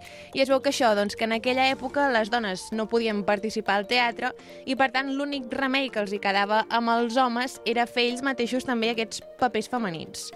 I llavors, això ara és com un dato curioso, és que la paraula drag, D-R-A-G, vol dir dressed as girl, que en català vol dir vestit com una noia. Molt bé. Gràcies. Molt interessant. Molt bé. I aquest moviment, tal i com el coneixem actualment, a part del que ja ens ha explicat la Judit sobre la paraula en si, el moviment es va originar a meitats del segle XIX als Estats Units i a dia d'avui és un fenomen que ha crescut molt després de la visibilització LGTBIQ+, que costa de dir Costa això, de eh? dir. costa de dir, i també gràcies a RuPaul. Qui és RuPaul? Doncs RuPaul és una drag queen molt coneguda que després d'una llarga carrera d'èxits va iniciar un concurs televisiu de drag queens, que aquest concurs està arribant a tot arreu del món, fins i tot aquí a Espanya es va fer la primera temporada fa res, uns mesets. I avui amb nosaltres no tenim el RuPaul, però tenim a l'Atenea Trueno.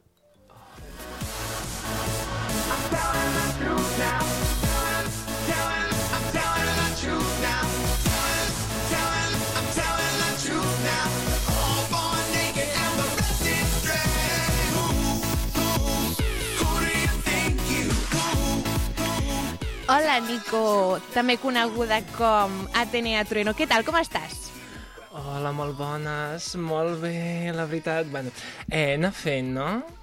Uh, acabo de descarregar el, el que ve a ser la dosi setmanal de hate sobre la Renfe, amb la qual cosa estem superbé. Això va bé, això va bé. Per, començar, per Sí. començar, està molt bé. Sí, sí. Doncs, Nico, ara suposo que estaves ben atenta. Uh Mhm. -huh. Estàvem escoltant una cançó de RuPaul que diu Sí. We all born naked and the rest is drag, que en català vol dir tots naixem Mhm. nus i la resta és drag. Què en penses d'això? Hi estàs d'acord? Ui, ui, primer de tot volia comentar que eh, gràcies per la introducció, perquè, eh, bueno, heu dit tantes moltes coses que, de veritat, ni jo ho sabia. Mira, aquí aprende.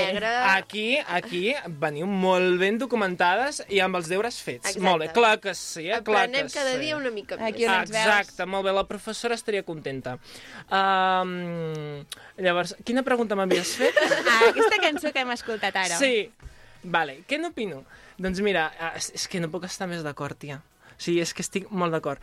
Eh, òbviament, doncs, eh, el, el que havia de ser el, el debat del gènere, tot això, bueno, ja ho tenim molt de per mà, eh, i jo crec que mm, s'ha de reivindicar encara més això. Vull dir, és que, clar que sí, vull dir, és que jo, abans de ser drac, vull dir, és, bueno, és que sóc Nico. Vull dir, eh, Atenea, òbviament, però és que tot això va junt. I a dia a dia, en el meu dia a dia, doncs, eh, m'agradaria ser les dues coses. Que eso es otra, porque bueno, la sociedad luego eh, deja lo que, lo que, bueno, lo que quiere, ¿no? Un poco. Però això, clar que sí. Mm, pa'lante con todo, o sea, bueno, com si vols anar despullat per la vida, o, o, o, o sense maquillatge, o amb, un maqui amb una maquillatge super, super mal feta, no? Però, bueno, i què? Mira, así soy yo. Pum. Quanta Ja energia està. ens porta el Nico, eh? Comença empoderada, Comença eh? a tope. A tope. Jo sempre. Aviam, Nico o Atenea, el que tu vulguis, um, què és per tu el moviment drac? Uh, madre mía, señora, por favor, qué preguntas me hace. Uy, la pregunta. Què et pensaves que et preguntaria? si has pintat un quadre. No. No, precisament, no. Quadro jo.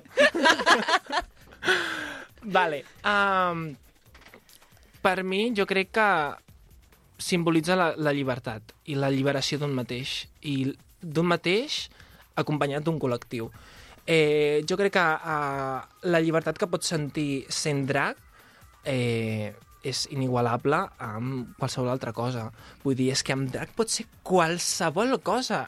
La cosa, o sigui, la, la imatge que tu mm, tinguis en la mente és que ho pots plasmar i, i, i anar i dir, mira, soc drac i amb el cap ben amunt i, o sigui, ets, mm, ja siguis mm, feti o siguis eh, pri, primeta eh, o rotllo Victoria's Secret o mira, tienes unos kilitos de más o eres bajita o alta, eh, però és que da igual tens el teu forat. I, i, i pots fer-ho i pots fer de meravella si realment és el que vols I Que bonic. en quin, en quin moment o com, com vas començar amb aquest món? Què, què et va fer tirar-te a la piscina i dir vaig a fer o vaig a ser drac? D'entrada, paréntesis, porque, porque aquí, aquí estoy yo como, como si fuera la tipa de Los Ángeles. Lo y- eres. Gracias. Gracias. Però, però que realment, o sigui, acabo de començar, vull dir, jo soy aquí una, una ignoranta, una petarda que quiere pasárselo bien y ya está, ¿sabes? Eh, llavors, um, jo vaig començar, si et soc sincer, eh, als 3 anys agafant els talons de, de la meva tieta. Toma, és que és la millor història que em Clar podies que sí. explicar. I el, I el vestit de la, de la meva tieta, blanca, ¿eh? Con tonos dorados, que claro, yo me, es que yo me sentía ahí J-Lo. O sea, imagínate, ¿sabes? Clar. I clar, després, doncs, eh, fa dos anys, claro, con la pandèmia de por medita, doncs, amb la broma de ai, aviam quina... com seria el meu nom drac, no? I aquestes coses que... Sí, tal, no sé què. Com, mica en mica vaig dir, doncs mira, no em desagrada, m'agrada molt, de fet. I, i aquí estem, doncs, eh, intentant fer alguna que altra actuació, com per exemple, bueno, aquest divendres, que clar, és que aquest divendres passat, clar, eh, vaig fer l'actuació a Vilafranca i molt content, la veritat. Que bé. Que bé, va ser molt xula. Va ser, va ser espectacular. Jo hi érem. Sí, sí, sí, sí. sí. Um, doncs, Nico, ens has dit que et dius Atenea, també, Atenea Trueno. Uh -huh. Um, Hombre. Ens pots parlar una miqueta d'aquest personatge? jo crec que sí, perquè, perquè ja, ja explicar, eh, que sí que està, I tant. està molt bé. Mira, eh, claro, dirás tú, ¿que eres neoclásica ahora? No, no, soy lo que viene a ser, mira, al meu Insta posa, eh, mira, no me acuerdo, pero más o menos dice así. Em, la reencarnación del mito clásico hecho en una diosa religiosa. He anat diva religiosa, perdó. Diva religiosa. Què vol dir això? Uh, jo sempre he sigut superfan de, de, del mundo griego, del Olimpo, ¿no? De, de, de, porque es un culebrón, ¿vale? y, y yo creo que mi vida es un culebrón también. Eh, i, I, clar, o sigui, una deessa de la guerra, a més a més, que, claro, o sea, eh, Clar, és que jo... no estem parlant de qualsevol, eh? És que, claro, i de la saviesa, que aquí la ment de l'herenda... Eh, Cuidao. Claro, claro, claro, cuidado, que aquí me puedes ver como muy petarda y tal, però, bueno, s'intenten fer altres mm, coses així intel·lectuals, no? I sobretot això, com el poderío, però sempre des, a- des d'aquest punt de vista de... Eh, cuidado, chill, calma, zen.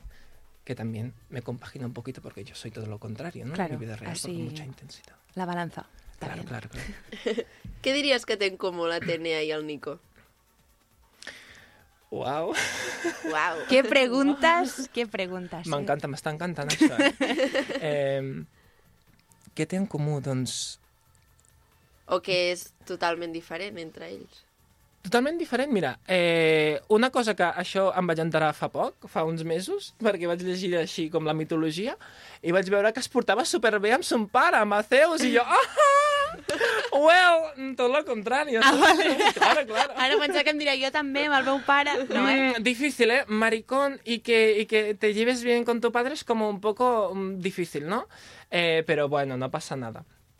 Eh, doncs mira, jo crec que, jo crec que les dues són eh, molt guerreres i, i, i, i realment, o sigui, jo podria dir que, que el, el meu dia a dia és una lluita, és una lluita amb mi, és una lluita eh, contra los machis, eh?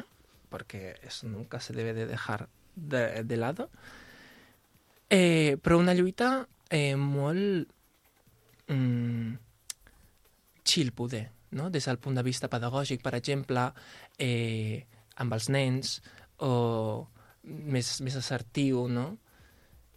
S'intenta, s'intenta. Ara aquí s'ha posat tendre, eh? És que de cop ha començat a parlar més a poc a poc. Dic, ara me l'han canviat, ara no sé qui està parlant aquí. Ara voy a llorar. Um, una, una cosa et volia preguntar jo. Um, bueno, ja has vist que l'Aina i jo ens hem informat una mica del Sí, món sí, sí, drac, sí, així sí, per poder fer una intro, una mica pepina i així. I hem vist... Bueno, l'Aina crec que ja ho sabia perquè aquest tema està molt informada. friki, Ella jo. ho sabia tot, sap qui és el, el RuPaul aquest, totes aquestes coses. que han Ui, dit. L'Aina ja ho la sabia llista, tot. La llista que Sí. puc deixar, mà. Total, que es veu que les persones que fan drac triguen molta estona a maquillar-se, a pentinar-se, a vestir-se. Oi que és tot un món? Això Mira, poden mira, estar mira, molta estona. Me tiene loca, eh? Esto. A tu, quanta loca. estona et porta preparar-te per una actuació, per exemple? Pel maquillatge? Sí, bueno, sí, com preparar-te l'outfit, el, tot, tot el mira, que ve a ser. Mira, clar, és que això és un altre. Perquè com eh, el, en el drac també... O sigui, perquè és que les dracs... Mira, vaig a, vaig a posar a, a les mans sobre la taula i a dir que és que no estem reivindicant la cultura drac, però és que no estem reivindicant gens. Vull dir, jo, eh, jo per, per exemple, per aquest divendres, eh, vaig haver de fer eh, el, els meus vestits, eh? Unos cuantos, además. Eh, vaig haver de, bueno, eh, buscar-me la vida perquè, claro, el tema maquillaje no es un, eh, no es un maquillaje base, un poquito de sombrita... Clar, no és molt elaborat. No? Clar. Però també et dic, eh, la Samantha Hudson, no sé si sabeu qui és. L'Aina segur que sí. Sí. És, és la reina d'Espanya, però vamos, o sea, és la millor. Escolteu el seu últim, el, se- la seva última cançó, que és eh, una delicatessen. Es diu Por España, o sea, ya te lo puedes imaginar. ¿Por dónde van las cosas? Hombre. Ea. Eh, y ella també reivindica molt de, eh, pues mira, el maquillaje mal. ¿Por qué? Porque no me sé maquillar. I jo també. M'agradaria com aquesta part de, de diva, no?, de, de, de porque, porque soy una, un- una diosa griega y entonces llevo todo muy bien. Pero es que a la vez, mira, eh, sé, sé que sortiré, sudaré com una desgraciada perquè jo sudo com un pollo eh, i que al cap de 10 minuts se m'anirà tot el maquillatge que em va em, poder mm, m'han portat una hora i mitja, saps? Enfermo. Però i què? Mira, lo estoy pasando bien igualmente, estoy expresando, uh, estic expressant el que vull, doncs ja està. Palante. Clar, al final que se t'acabi corrent el maquillatge, per exemple, també també és una manera d'expressar, no? De, mira, m'està sent més o menys igual que porto una feinada que flipes fer això que he Mhm. fet, uh, m'està marxant, ole jo, segueixo aquí, no? També és com una forma de reivindicar-se. Donant-ho tot. Mhm. I Molt bé. com, com et sents quan ets la Tenia allò Mira, feta dalt de l'escenari? Eh, clar, la primera vegada que ho vaig fer, que va ser l'any passat, eh, uf, és que era un torbellino d'emocions. Per, perquè allò que, que dius, eh, no estic veient a ningú, estic veient a tots, però no estic veient a ningú, estoy yo en mi mundo expressant i, i, i, i haciendo lo que me sale y es como, o sigui, una libertad completa. Pa- por ejemplo, voy a, voy a poner aquí un ejemplo muy bueno, ¿eh? De Billy Elliot, ¿eh? ¿Cómo no? El coneixem, el coneixem. Home, home. Eh, que quan està a l'acadèmia li diuen ah, ¿tú qué sientes cuando estás bailando? I primer, bueno, mm, desubicat, pues, no, no pot dir res, tal, però després acaba dient eh, pues me siento libre, me siento eh, como aire, como electricidad, ¿no? Que recorre por, por, por todo mi ser. I és que és això, realment és dejar-se llevar. S'està... Esteu escoltant això? con un dolor desmedido. A mí a los de mi calaña, danos caña por España. Cuatro esquinitas. És que tenim, tenim un tècnic que no, que no ens el mereix. Un avispat, el Joan. Ole, un aplaudiment, sisplau. Gràcies, Joan. Eh, y això, pues, eh, en mi mundo, a fondo, eh, y no existe nada más. I empoderada, no? Potser també. Sí. Oi? Porque aquí, la mental herenda, también te digo, eh, eh, claro, a mi m'agrada eh, més eh, l'atenció que... Tenir o sigui, com captar l'atenció, molt. Ja. Y si no se entra l'atenció, claro, cómo no, porque aquí, pues la diva, pues se, Se lo hace vale, notar, claro. ¿no? Hombre, claro. Abans Eh. hem parlat de, de la Samantha, què, Aina? Samantha Hudson. Samantha Hudson. Um, bueno, era per lligar una mica, però quins Mhm. són els teus referents o com t'inspires? Com... D'on ve tot? Mira, eh, com a referent, referent, jo crec que ara mateix tindria la Samantha, perquè és, és, és el que hem dit, no? De, M'agradaria ser com, com una diva religiosa c- con la ceja tapada, no? A fondo, i llavors pues, un, un maquillatge allà de, super heavy i todo brilli, brilli de, de Versace. Brilli, que- brilli, brilli, brilli és important. Clar que sí. Aunque sea del xino, da igual. Però no puc. O sigui, eh, soc, soy una obrera, una diosa obrera, sí soy. Sí soy. Clar. I llavors no, no puc arribar a aquest nivell. De moment, eh, eh, ojito, de moment. ¿Y qué? Y por eso me encanta Samantha Hudson. Ya está, porque es una obrera con clase, no de clase obrera, obrera con clase. Y ya está. Y, y sigue siendo una diva de los pies a la cabeza. Y también de RuPaul, venga, si tengo que hacer alguna mención así, pues eh, divas así muy divas, rollo Aquaria, per exemple, o aquí a, a, a l'edició de espanyola, s'ha dit Carmen Farala, sisplau, Carmen bu- Farala, busqueu-la i seguiu-la, o sigui, si us plau. diosa. Sí. Sí, Carmen No, que no Farala, sé, no per sé favor, jo la vaig parlant. veure, la vaig veure al, al seu espectacle, Què o sigui, al, a l'Hotel de les Reines, Ai, i em va què dius? sortir, se'm va passar per davant, i em vaig quedar en plan fan allò...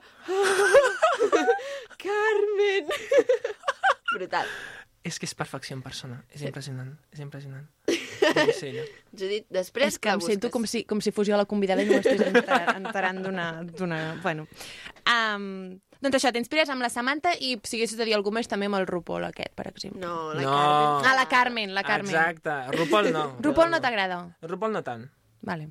Són otros tiempos. I la Carmen Exacte. aquesta qui és exactament? És una... És la guanyadora del, Ah, la guanyadora de de l'edició d'Espanya. espanyola. Vale, vale, vale. Mm. Ja està, ja he connectat. Eh, i esto otro. O sigui, parlem molt de RuPaul, Drag Race, Estats Units, no sé què. Perdona, la de talento que hay aquí en España, ¿eh? Por España, Paco, ¿eh? Por favor. Dilo, sigui, tata. Eh, mirem Sí. una mica al nostre voltant també, perquè a Barcelona és impressionant la, la cultura drag que hi ha i, i, la, i la gent tan top que hi ha. Sí, sí. S'hauran de fer moltes temporades més perquè si no... No, No abarquem a tots, oi? No podran venir no tots. Abarquem. La Puppy Clar. Poison és allò, Oi, una oi, senyora oi. ja veterana. Brutal, brutal. Aina, para de dir noms d'aquests perquè jo no sé de què parles. No passa res, ja... Seguim, seguim. Ja entraràs. Tu- Tornem, tornem, Vale, a... tornem-hi, tornem-hi. tornem a la tècnia.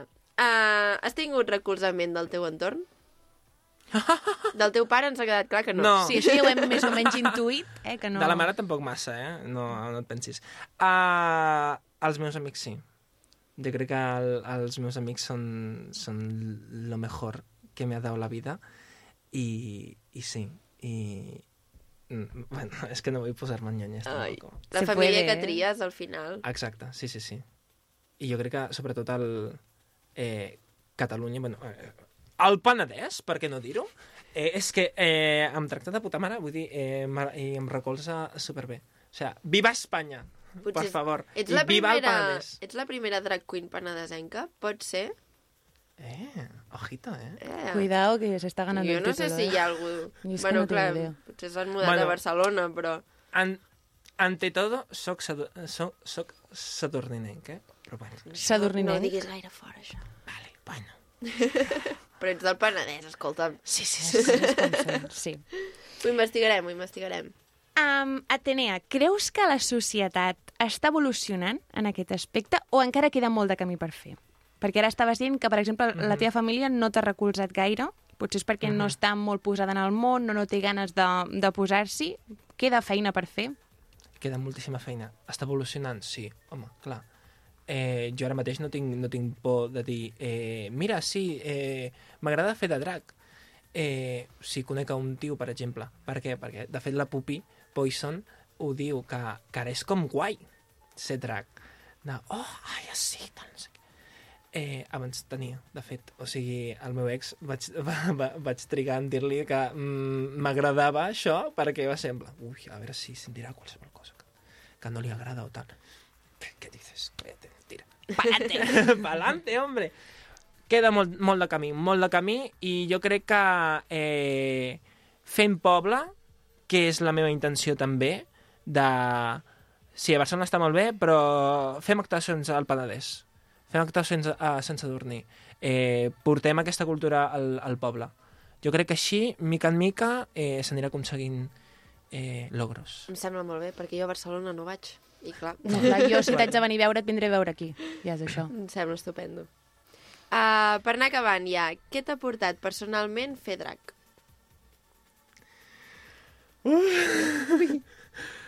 Havia dit eh, llibertat, torno a dir llibertat, eh, i sobretot eh, expressió.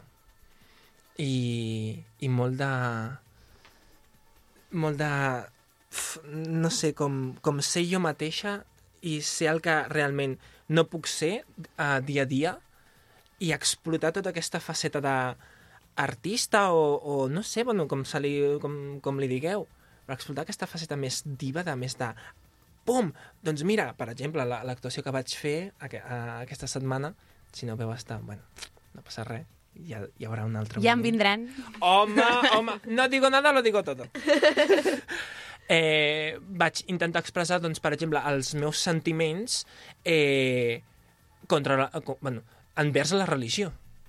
Perquè, bueno, la tenia també, ha nascut la, ha, ha viscut la- l'evolució de la religió, de les creences, i volia també explicar lo que siento i desahogar-me un poquito i fer una mica de, de, de psicòleg, no? Així, gratis, que, que sempre, va, sempre va molt bé. Claro.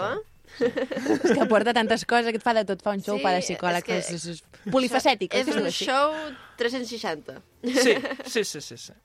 Doncs bé, Nico, Atenea Trueno, ens ha encantat tenir-te aquí. Se'ns ha fet cura Oh. el programa, és a dir, que t'haurem de tornar a convidar perquè Oh, jo ens han eh? quedat coses. Eh? Ui, sí, sí, sí. Clar, és que jo aquí le doy al palique i, claro, si no me para... Ja va bé, home. T'haig de dir que l'Aina i jo, quan ens vam preparar aquest programa, ja sabíem que ho havíem de fer curt perquè sabíem que eh, el, el Menda tindria pel·li per rato. Ja ho hem fet bé, això. Doncs esperem Molt que t'hagis passat molt bé. Eh, superbé, m'encanta. Jo aquí, eh, de debò, eh? En tu quan salsa. Vulgueu, claro, Claro. Quan vulgueu, yo vuelvo a venir. A mi, ja ves tu. M'encanta. Moltes gràcies per venir. A vosaltres per invitar-me.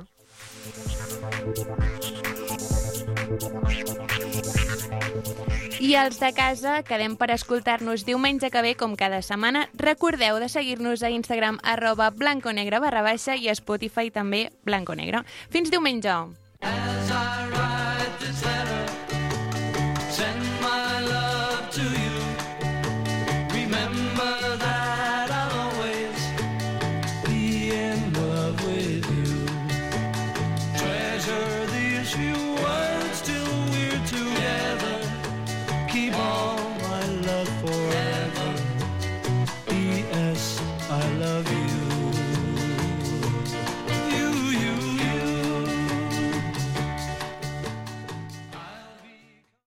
I ja estem fora de temps. Moltíssimes gràcies per acompanyar-nos avui diumenge. Ens retrobem el dissabte que ve. Tingueu una feliç setmana.